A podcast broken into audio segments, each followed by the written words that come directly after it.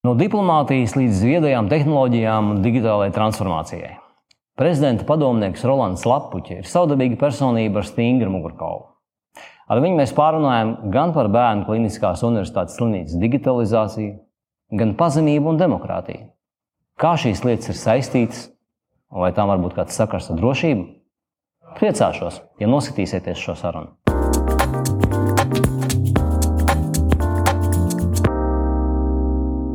Roland, jūs esat dzimis Parīzē, skolojies rietumos, bijāt bioloģijas un ķīmijas skolotājs Minstras Latvijas gimnājā, veicāt arī pētniecisko darbību Universitātē Austrālijā. Esat ieguvis Strasbūras Universitātes doktora grādu neirozinātnē. Bet jūsu turpmākā karjera bija saistīta ar Latvijas diplomātisko dienestu ārvalstīs. Bijāt Latvijas vēstnieks Portugālē, Francijā, Spānijā, Marokā, Andorā, pat UNESCO bijāt arī Latvijas pārstāvis Eiropas padomē. Kāds notikums jūsu dzīvē vai karjerā ir atstājis eh, jums personiski spilgtāko, paliekošāko iespaidu uz jums kā uz personību? Man nācās ilgi padomāt par šo. Es teiktu, ka karjerā man ir viens tāds spilgts notikums, kas, kas man aizkustināja. Ja tā, Jā kā paliekoša emocija, tas bija, kad eh, vadīja protokola pie prezidenta Gunta Ulmaņa. Un eh, novembrī, man liekas, 1996. Eh, gadā bijām Lielbritānijā un Buckingham Palace pils pagalmā skaidri debesis novembrī spēlēja Latvijas himnu. Man jāsaka, ka tas bija tā drausmīgi aizkustinoši. Buckingham pilī. Jā, jā, jā nu, vajag iedomāties, kas nav noticis, lai nonāktu tur un kā Buckingham palēs pagalmā spēlē himnu. Bet citādi, citādi man jāsaka, ir vairāk tādu notikumu, kuriem ir katram savs iespējas un dziļš iespējas, un no kuriem uh, kas ir mani uzbūvējuši. Un, un, un, ja, ja ļausiet, es par pāris no viņiem. Es būtu priecīgs. Jā, es, es tad atceros 13, 14 gadu vecumā. Sestdienas pēcpusdienā kaut kādā divas stundas skatījos uz materiāliem, kas nāca no Amerikas latviešiem par čekas pagrabiem. Un es skatījos tās bildes, un, un, un tur bija ģenerālis Gopers, kaut vadītājs pirms un pēc spīdzināšanas. Un es skatījos, skatījos, un es to neesmu vēl pārvarējis. Kāpēc tāda necilvēcība? Ne, tā, tā, tas man ir dziļi ietekmējis uz, uz visiem laikiem. Tajā pašā laikā es arī skatījos Francijā daudz izplatītāk nekā bildes par Latvijas vēsturi bija par, par ebreju iznīcināšanu, par holokaustu. Tas ir šobrīd diezgan aktuāli. Un tā es domāju, ka tas man ietekmē uz visiem laikiem, ka es esmu pret totalitārismu, pret, kas noved līdz tādai necilvēcībai. Respektīvi, tas viens jūsu vadmotīvs, jūsu, kas jūs ir veidojis, ir tā sajūta, ka nedrīkstētu pieļaut tādas lietas, kādas vadības bildes, kādas jūs redzējāt. Jā. Jā, jā, tas ir pilnīgi izteikti. Tas man ir ietekmējis. Es esmu no grāmatām ļoti daudz ietekmējies pēc tam, kad jūs minējāt man doktora grādu. Es atceros to datumu 29. janvārī 82. gadā. Es noliku doktora grādu datumā, kad bija pareizais. Tas bija kaut kā iznāca, jau bija jābrauc pēc apmēram 12 dienām uz Austrāliju. Es izlēmu, es gribu redzēt Berlīni. Es aizbraucu uz Berlīnu pie, pie latviešu paziņas, protams, pie Kristīnas Upeslejas. Un, un, Un tad es staigāju pa bruģielu. Pirms kārta bija viena iela, kur bija divas puses. Tajā brīdī, tajā bruģielā bija mūris ielas vidū. Un tad es biju drošs, drošs, ka šāds absurdums nevar pastāvēt mūžīgi, ka būs beigas. Tas bija tas brīdis, kad kā, kā no, runāja par totalitārismu. Es sapratu, ka arī šāds totalitārisms, kāds bija Padomu Savienībā, ar visu to, ka tas bija kļuvis maigāks. Tas tagad pa Berlīnu, 89. gads. Jūs... Nē, nē, 82. Sorry, 82. gads. Un jūs saprotat, 88. gadā. Jā. Vēl Vēl, vēl cik mums vēl gadi, deviņi gadi vēl paliek ja, līdz mūrim. Un jūs staigājat un saprotat, ka tas nevar pastāvēt. Tā es saprotu. Jā, tas nevar pastāvēt. Tas ir pārāk absurds. Kā šī bija viena iela, bija divas puses. Tagad ir divas pilsētas, divas pasaules uztvērs, naidīgās un tā tālāk. Man tas nebija. Es, es vienmēr biju pārliecināts tādā hipotētiskā veidā, ka Padomu Savienībai no, nedrīkst tā pastāvēt. Bet, bet tā kā tik konkrēti tajā brīdī tas nebija bijis. Jā. Bet jums bija sajūta, varbūt arī kāda vīzija. Kā tad tas varētu atrisināties? Nē, nē, nē, nē es, es neesmu gaišs tādā ziņā. Tikai tā intuīcija, ka šāds neprāts šāds ārprāts ir, ir necilvēcīgs, atkal necilvēcīgs. Tas vienkārši nevar pastāvēt mūžīgi. Tas bija tas, kas tā, tā dziļa pārliecība. Jā. Un, redzat, tas ir tāds, nu, kā neirozinātnieks, ir veselais saprāts, kas ir garozā, un emocijas smadzenēs, limbiskā sistēmā ir emocijas. Un, kad tas savienojās tā, tā sakritīgi, tas ir atstājis liels pēdas. Tad Tad 1990. gadā dziesmu svētkos mēs bijām kopkurī tur augšā, kaut kur pa labi lasos, un dziedājām Lūcijas garotas tēvreizi. Beidzās. Bija tāds klusums, tas bija maģisks brīdis, kas man šodien vēl aizkustina. Pilnīgi neizskaidrojams. Nav divreiz mūžā iespējams piedzīvot šī tādu. Redzat. Un tad, un tad, ja runā vēl par lietām, kas ir ietekmējušas, tad, tad neizbēgām man bērnība. Man vecāki, politiski bēgļi, tā netaisnība, kas bija pārdarīta. Tēvs Lutāņu mācītāju, mācītājs Katoļu zemē. Turklāt mēs 12 gadus dzīvojam komunistiskajā priekšpilsētā, Pārijas priekšpilsētā. Un kas uz to norādīja? 2014. gadā māte prasīja, vai nevaram, un tad mēs mācītājiem Klāvam Bērziņam prasījām rīkot dievkalpojumu ma, manam tēvam pagodam. Tēvs mācītājs, viņam bija simt gadi, rīkojām. Tad es uzzināju tad no, no bērnu nometnes, kas bija notikusi 64., 5. un 6. gadā. Tas bija pāris gadus, tēvs bija direktors no ģirta Zēgnera, kas bija audzinātājs. Viņi esot aprasījuši visiem bērniem, man bija apmēram 8, 9 gadi, ko viņi darīs. Un es esmu atbildējis, es būšu Latvijas sūtnis Francijā. Ļoti konkrēti un tā. Un kāpēc? Es, mana interpretācija ir ļoti vienkārša. Kad man bija 6 gadi Parīzē, nomira sūtnis Grosvalds. Un tad man ir viena bilde, piemēram, 18. novembrī, jau 50. gados, kurš Sodans Grosvalds uzrunā, mans tēvs skatās. Taču mans tēvs bija apvienības priekšsēdētājs, mācītājs. Bet es kā mazais Rolandiņš izjūtu, ka bija viens cilvēks, kas vēl bija svarīgāks. Tas bija sūtnis. Es esmu izskaidrojis, ka man ir franču valoda, franču valoda ir diplomātijas valoda un maz latviešu, kas māca franču valodu. Tā man atstāstīja daudz vēlāk. Bet es domāju, ka tas eh, kaut kā zemapziņā bija veidojies ceļš. Tad, kad 18 gadu vecumā es lasīju pirmo reizi grāmatu līdz galam Latvijas, kas tā bija, tā bija Sūtņa Jānis grāmata Latvijas valsts izcelšanās, kur arī es savu pirmo reizi noformulēju, bet nekad pats pašam neatzinu, es gribētu būt Latvijas diplomāts. Nu, tā redzēt, kā veidojās. Attiecībā uz notikumiem nevar neminēt 4. maiju 90. gadā, tad es biju Minsterē. Mēs pāris cilvēki pie, pie karoga dziedājām himnu. Un tad iestāšanās Eiropas Savienībā un NATO 2007. gadā. Bet es nebiju klāt nekur. Es biju vēstnieks Parīzē. Un tad man bija jākonstatē, ka um, Francijā mm, mūsu uzņemšana Eiropas Savienībā un NATO izcēlās ar lielu diskrētumu. Nu, tie būtu tā, ka jūs prasāt šo jautājumu, un man bija laiks iepriekš padomāt.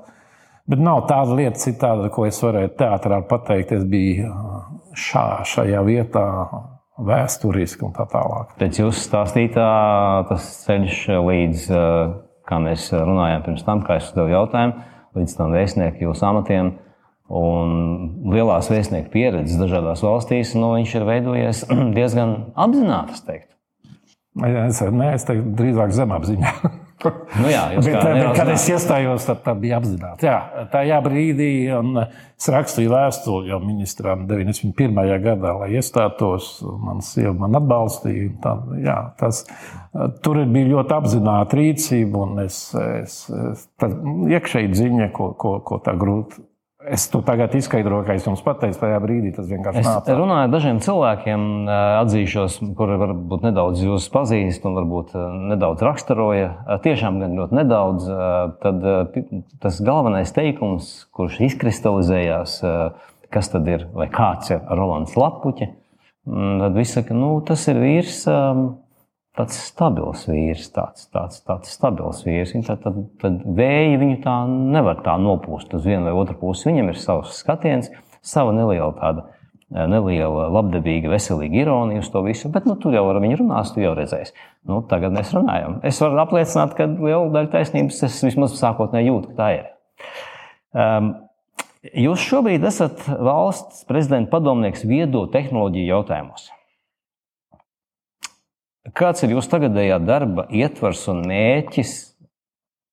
Kā jūs līdz tam nokļuvāt no vēstnieka, un tagad jūs esat prezidenta padomnieks viedo tehnoloģiju jautājumos? Ne, nu, kā visam ir tāds vārds ontoģenēze. Es, es, es, e, e, ir cilvēki, kas analizē struktūrāli, kas ir situācija tagad. Es vienmēr izjūtu vai nu vārdu etimoloģiju vai notikumu norisi. Um, Mēs ar prezidentu pazīstāmies sen, sen, sen. Nākamā gada būs 50 gadi, kad mēs pazīstamies. Tā kā, kad viņš mani uzrunāja, varbūt nebija skaidrs, kāds būs tieši mans mandāts, bet viņš izjūta uh, sekojoši. Mēs esam agrākajos gados, uh, kad ciemojamies pie viņa, runājuši piemēram par mākslīgo intelektu. Nu, viņam kā ties, tiesībniekam tas ir ļoti interesants un, un, un, un, un, un svarīgs. Un man kā neirozinātniekam un diplomātam, es saku, to faktiski īpaši interesēties, kad es biju pārstāvs pie Eiropas padomus. Jo tur tad es interesējos par to, ko sauc par eh, tīkla neutralitāti un tādām lietām, bet, bet es iedziļinājos. Un kaut kā aizķerās lūpā. un, eh, un tā, ņemot vērā, ka man ir šī bagāža kā zinātniekam, 20 gadus bioloģijā un 23 gadus um, valsts pārvaldē, tad viņš noriskēja. Nebija skaidrs tā tieši, ko es darīšu. Un es izvēlējos nodarboties ar digitālajiem jautājumiem, kas attiecās uz to, ko es izprotu. Negluži bioloģiju, bet nu, medicīnu, biomedicīnu un tā, tālāk zinātnēs. Jo tur šī joma man ir saprotama. Uh, Es, es saku, kad es klausos sarunās par genomu, tā, to, man nav jādomā, man nav jāanalizē, ko tas atkal nozīmē. Un, un viņa, viņš derēja pareizi. Sanāk tā, ka es nodarbojos diezgan aktīvi ar dažiem uzsvariem. Viens ir Esmu diezgan iesaistījies darbā ar bērnu kliniskās universitātes slimnīcas digitālo transformāciju. Un esmu tagad arī tajā komitejā, kas pateicoties Džona Talija ziedojumam, ievērojamam ziedojumam, attīstīs veselības attīstības centru tajā. Līdz ar to tur ir ļoti radoši. Tas attieksies uz, uz es teiktu, tā, viens no galvenajiem mērķiem, un kas ir, ja jūs prasāt, kāds tas mērķis, un viens no tiem ir, ka šodienas medicīna jau ir iegājusi stiprākā saikne ar pētniecību. Nu, viena no, viens no aspektiem, kur tas ir neizbēgams, ir Eh, tas ir, ko sauc par precīzijas medicīnu. Eh, tagad ņemam tādu gadījumu. Latvijā ir apmēram gadā 50 bērni, kas saslimst ar vēzi. Tas ir par daudz, bet tas ir par maz, lai tas ir, piemēram, statistiku.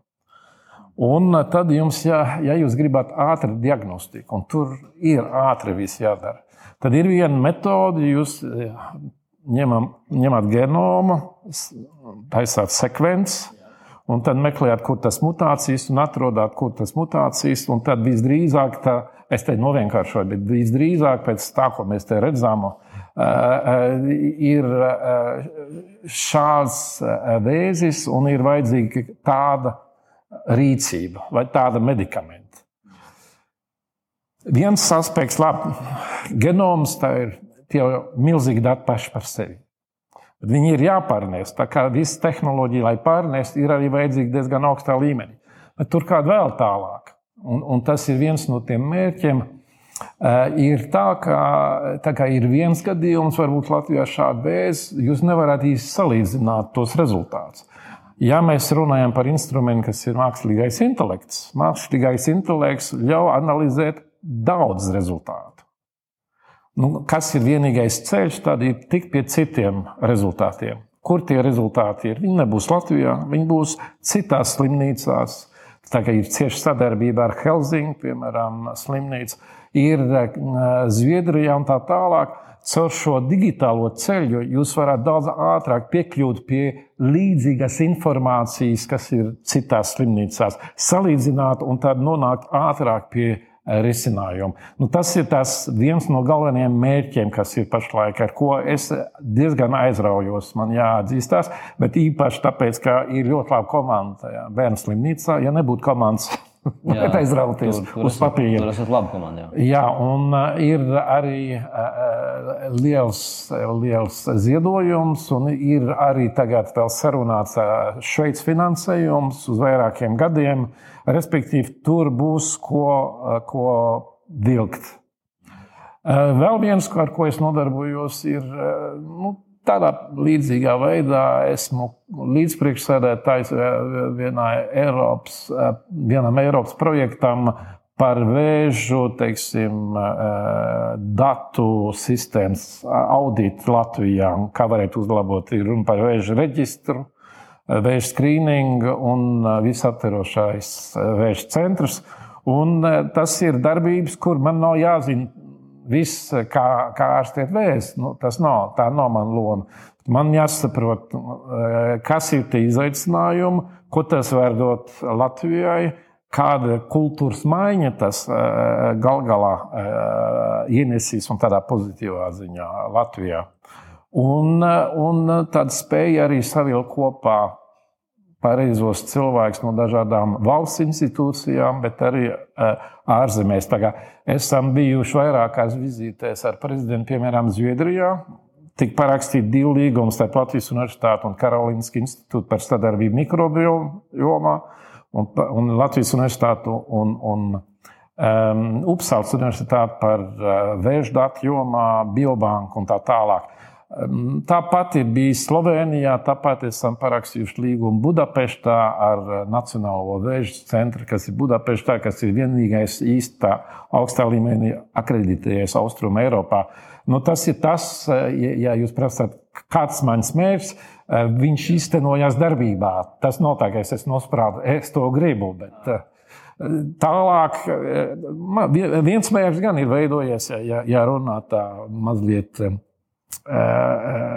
ģeostrateģiskā. Es labprāt redzētu, ka mēs padziļinātu, paplašinātu savu sadarbību ar Baltijas valstīm un Ziemeļu valstīm digitālās veselības jomā. Un tas ir darāms. Iestrādājums ir, bet nu, tas ir prasīs laiku, un droši vien es vairs nebūšu, nebūšu amatā, ka tas īstenosies, bet uh, interesi jau ir šodien. Jums ir, jūs ļoti labi pavērāt to ietvaru, kādā jūs darbojaties, un kas ir tās jūsu intereses, un kāda tā pievienotā vērtība, un uz kurien jūs ejat. Diezgan labi redzēt, ko jūs varat dot. Nu, ja man vajadzētu padomnieku teiksim, šajā jomā, es noteikti prasītu padomu arī jums. Man tas pārliecina. Paldies!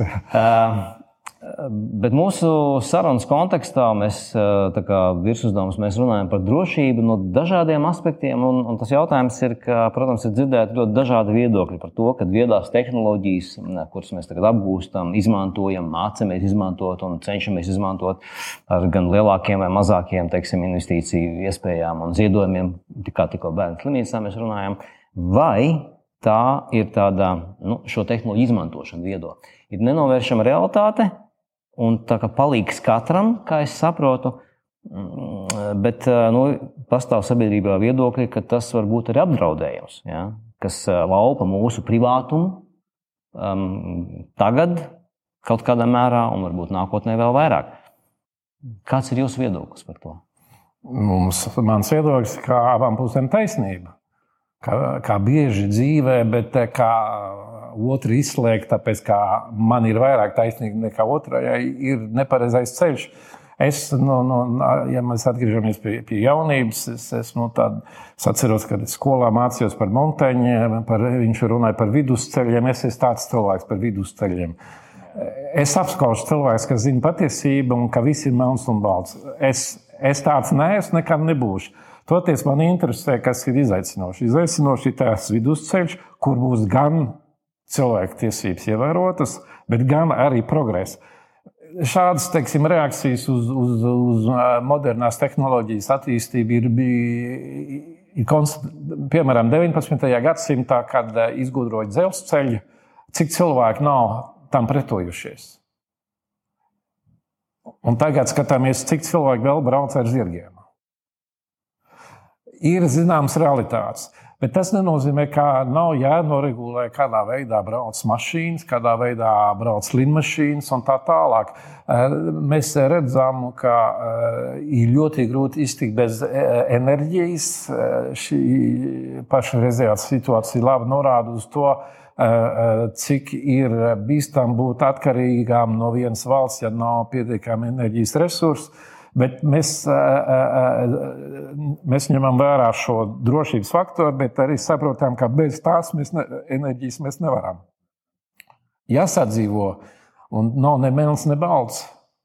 Tas, kas domā, ka ir melns un balts risinājums, lai viņš risina savā mājās. Jā, tas par to mēs esam bieži runājuši. Es atceros, ka mūsu kāds no viesiem arī tas bija Mihāls Papsujevičs, kurš minēja to, ka nu, nav baltu un melnu situāciju. Mēs runājam par ieslodzījumu vietām un par drošību tādās situācijās. Jūs arī sakat par to, ka jūs izvēlaties iet vidusceļu, nu, droši vien tur, kur ir balts un tur, kur ir melns šķietami viss ir skaidrs. Tur jau nav ko pietūlēties. Es esmu ar zaļu, vai zilu, vai oranžu karogu, vai stīpainu. Bet tas, kas ir pa vidusceļu, viņam tā bilde ir jāredz plašāka. Viņam jāsaprot, kas ir tajā baltajā pusītē un tajā pelēkajā droši vien. Vai es pareizi saprotu? Jums ir nepieciešams plašāks skats. Vidusceļa gājējiem. Es tā izteiktu to, tas, kā, kā jūs to sakāt, būtu diezgan iedomīgs. Ar vecumu, ar vecumu es kļūtu esmu kļuvis mazliet mazāk iedomīgs. Respektīvi, es drīzāk konstatēju ar vecumu, ka jo, jo vairāk es zinu, jo, jo vairāk es konstatēju, cik maz es zinu. Un ir tā, tā, tā, tas tēls par to, kā, kā, ko, ar ko nodarbojas pētniecība. Ir visums tumšs, un tev ir viena baterija. Tu apgaismo to vietu, Un tur tu pēti, jo to tur redz un saprot. Tas nenozīmē, ka pārējais neeksistē. Es no, ar vecumu to saprotu ar vien skaudrāk. Līdz ar to man ir. Es biju gudrāks, kad es biju jauns. Jā, es biju gudrāks, kad es biju jauns. Es tagad neesmu vairs tik gudrs. Varbūt es esmu zinošāks, varbūt, bet es esmu konstatējis, ka nu, ar visu pieredzi man ir dažas intuīcijas. Kādreiz viņas ir pareizas, bet dažas ir bijušas, piemēram, aplamas.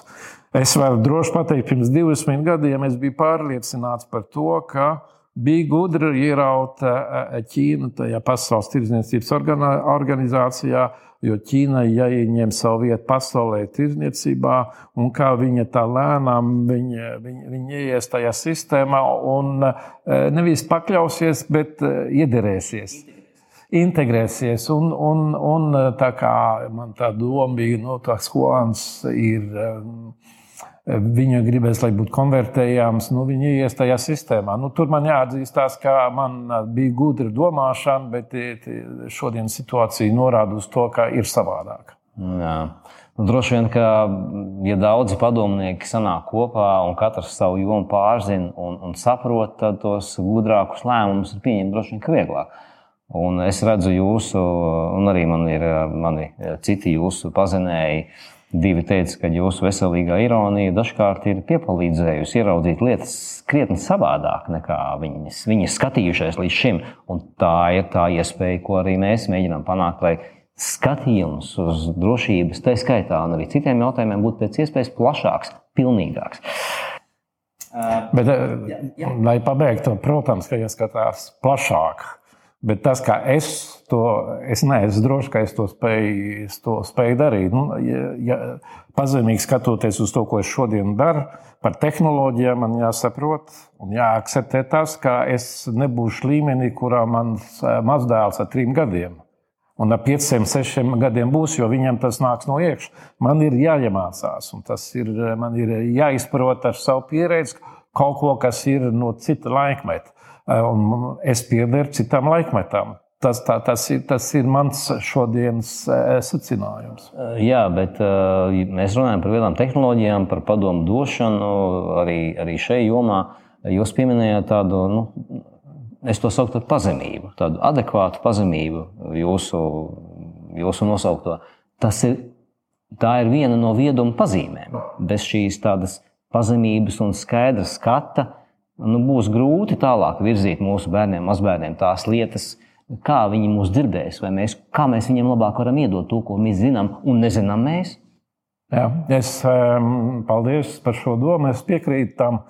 Es ziniet, kad, kad uh, uh, viens no lielajiem maniem priekiem bija, kad es beidzu savu karjeru uh, Eiropas padomē, bija pēdējā ministra Padomu sanāks, tā notiek trešdienās, tagad tas kaut kādā 9. jūlijā, toreiz 16. gadā.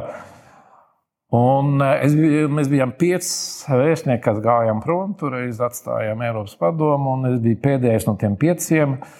Un, toreiz bija Igaunijas prezidentūra, un es pateicu kaut ko tādu, kā var teikt, trafarētīs, bet tad es pateicu, Eh, viņi bija pieraduši pie tā, ka es sāku eh, personiskāk izteikties.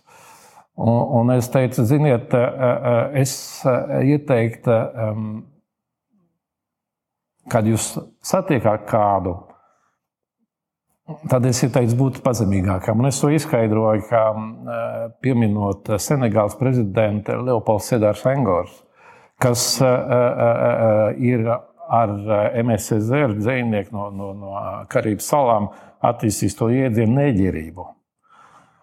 Un tā doma bija tā, ka Leopolds Sedārs Sengors bija dzinieks franču valodā. Viņam izcila valoda, bija viņam klases biedrs vai studiju biedrs, bija bijušais prezidents, arī ļoti literārs Žoržs eh, Pompidu. Un, eh, un, un viņš teica apmēram tā, ka baltais cilvēks eh, runā ar melno, tad viņš uztver, es runāju franču valodā, viņš uztver mani savā franču spektrā. Bet manī ir gadsimteņi Āfrikas kultūras, Āfrikas vēstures, un to viņš neizjūt. Un es teicu, te jums ir Igaunība, kā to Igaunijas prezidentūra, ir latvietība. Esiet pazemīgi, saprotiet, ja jums jābūt pazemīgiem, jūs tiekaties ar kādu, tad uh, ņemiet vērā, kā iekšēji viņam ir kaut kas cits. Un tad es viņiem teicu, un, ja jūs gribētu zināt, kas ir Latvija, tad es, es nodziedāju vienu tautas dziesmu. Es beidzu tā savu karjeru ar tekstilīti, tecēdām, kas bija, protams, arī ar to domu, ka mana mamma bija slima un ka viņa arī pēc diviem mēnešiem aizgāja. Bet jā, pazemība man liekas, ka ļoti, ļoti noderīgs instruments. Es neesmu bijis pietiekami pazemīgs bieži, un es pārāk pārliecināts par savām domām un nesadzirdēju, ko citi teica. Es arvien biežāk saprotu, ka tā ir kļūda. Jā. Un esam konstatējuši, ka pazemība ir ļoti vērtīga un, un, un kopjama īpašība droši vien. Ja, ja nav jāpiekopjas, tad, tad ir kaut kur jāsāk. Jā. Vai jūs atceraties kādu īpaši apdraudošu gadījumu un kā to pārvarējāt? Nu, es skatos, jums ir roka, varbūt mēs varam atklāt kaut ko. Neatzīst, jā, to es varu. Katrs ir ievainojams. Katrs ir ievainojams, un es gadiem cīnos pret Latvāņiem uz lauka īpašuma, bet sevišķi pie kaimiņa, kas neko nedara ar savu. Un e, pagājušajā nedēļā es aizgāju un aizmirsu, ka bija karsts. Tad es uzvilku garās bikses, bet nevis ar garām piedurknēm kreklu. Un viņš pieskarās man, atgādināja par sevi. Un tad vēl tas apdegums, apdegums, jā. apdegums ir. Un, un, jā, nu, daba ir kāda viņa ir. Man tie latvāņi biedēja. Nu, mēs jau zinām, kā viņi tika Latvijā ievazāti, bet, bet kaut kā ar viņiem arī jācīnās. Laikam. Nu, tur tas bija pārgudrs cilvēks, atkal cilvēks, kas zināja labāk nekā citu, ka tā būs laba, laba lobbarība un ka to vajag tikai ievazāt. Jā, jā viņiem bija tikai melns un balts. Jā. Viņam droši vien bija melns un balts, bet ļoti daudz tādu ir. Labi, kartupeļi tika atvēsti no Dienvidamerikas, tas ir labi, bet citreiz tas nevienmēr labi izdodas. Roland, Jūs ar savu tādu pazemīgu viedumu, redzējumu varat atbildēt uz mūsu klasisko jautājumu, kas, jūsuprāt, mums katram būtu jādara šodien, lai mūsu visu rītdienu būtu drošāka? Protams, ka ir absolūti neiespējams pateikt, ko tieši, bet uh, mēs dzīvojam ļoti grūtos laikos nenoteiktības laikos. Un kaut kādā es lasīju, vai ir, eh, tas bija raidījums, vai tā par inteligenci. Un, un eh, viens filozofs par inteligenci, vismaz viens, faktiski vairāk rakstīja par to, tas ir eh, kā tikt galā ar nenoteiktību. Un tad mēs atgriežamies pie tā paša melna un balta šie, šajos nenoteiktības apstākļos ir jāpatur tiešām vēsprāts. Un neviens viegls risinājums nav. Mm, ja būtu viegls risinājums, tad viņš sen būtu izmantots. Respektīvi. Es par to domāju, kad ievēlēju Trumpu. Ļoti daudz cilvēku neapmierināti. Tā ir atkal tā emocionālā smadzenes, kas reaģē. Es tiek apbīžots, un šīs pasaka skaidri, ko es domāju. Ja viņš pasakā skaidrs, ko es domāju, un es domāju pareizi, tāpēc kā es to domāju, tad ir pareizi. Diemžēl nav tā. Un kur tas ir bijis traģisks? Faktiski mēs tam gandrīz nu, nāk vēlēšanas. Ja mēs skatāmies uz Brexit, uz balsojumu, jaunieši, protams, tehnoloģijās nu, viņi zina daudz vairāk, viņi ir pasaulīgi, viņi zina Viņi arī ļoti individualistiski, visi tie coaching, visas tās ātri uztver un tā tālāk. Un līdz ar to, kas tas ir, tas vēlēšanas. Un, ja mēs skatāmies tajā statistikā, visvairāk par palikšanu Eiropas Savienībā, Anglijā būtu noteikti, nu, pēc statistikas, cik es zinu, jaunieši. Bet visgudrāk, tāpēc negāja balsot, bija jaunieši. Viņi kaut kā tur 3,6 vai 8% no jauniešiem aizgāja balsot. Un pēc tam protestēja par to, bet mēs negribam atstāt Eiropas Savienību. Šī atkal ir eh, pārgudrība. Pašlaik eh, demokrātija ir vidusceļš. Demokrātija prasa lielu piepūli, līdzekļus arī. Viņi nav vienkārši uztverami vienmēr. Tas ir, eh, viņa prasa jā, likumus ļoti bieži, un tie nav vienmēr pareizi un tā tālāk. Un ir jāakceptē to, ka varbūt šis mantojums no pagātnes, viņš nav revolucionārs, bet viņš kaut cik darbojās. Un vēlēšana sistēma ir kāda viņa ir. Bet citu instrumentu nav. Ja tu gribi izteikt savu viedokli, kā es to konstatēju par to Brexit, es gribētu arī mūsu jauniešiem pateikt. Jūs zināt, labāk viss notiek caur Tā lielā revolūcija 2007. un 2008. gadā mūsu pasaules vēsturē bija tas iPhone, kur bija kā computers un tev atbrīvoja no visām elektrības saistībām, tiešām tā. Bet, bet ar to viss nav atrisināts. Un, ir daži klasiski elementi, demokrātijas instrumenti, kur ir jāpiekopja. Varbūt to es gribētu pateikt, lai nepa, ne, nepakļaujās vieglajai domāšanai. Es zinu labāk, līdz ar to man ir taisnība. Nu, nav tik vienkārši. To es esmu tā iemācījies. Es nesaku, ka es esmu tik pazemīgs, tik varbūt es esmu tā izteicies. Tā, tā, bet nu, tā būtu cita saruna, viņa varbūt nav tik interesanta. Um, saruna ar jums bija ļoti interesanta. Uh, un jūsu vēlējums uh, bija vietas un vienlaikus pazemīgs. Paldies jums par sarunu, Roland. Paldies! Paldies par uzaicināšanu un uzticēšanos!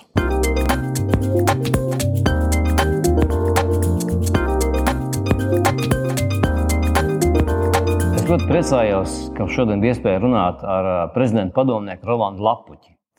Viņa pieredze, izglītība, zināšanas un nedaudz ironiskais, vienlaikus pazemīgais skatiens šodienā un nākotnē varētu būt interesants ļoti daudziem.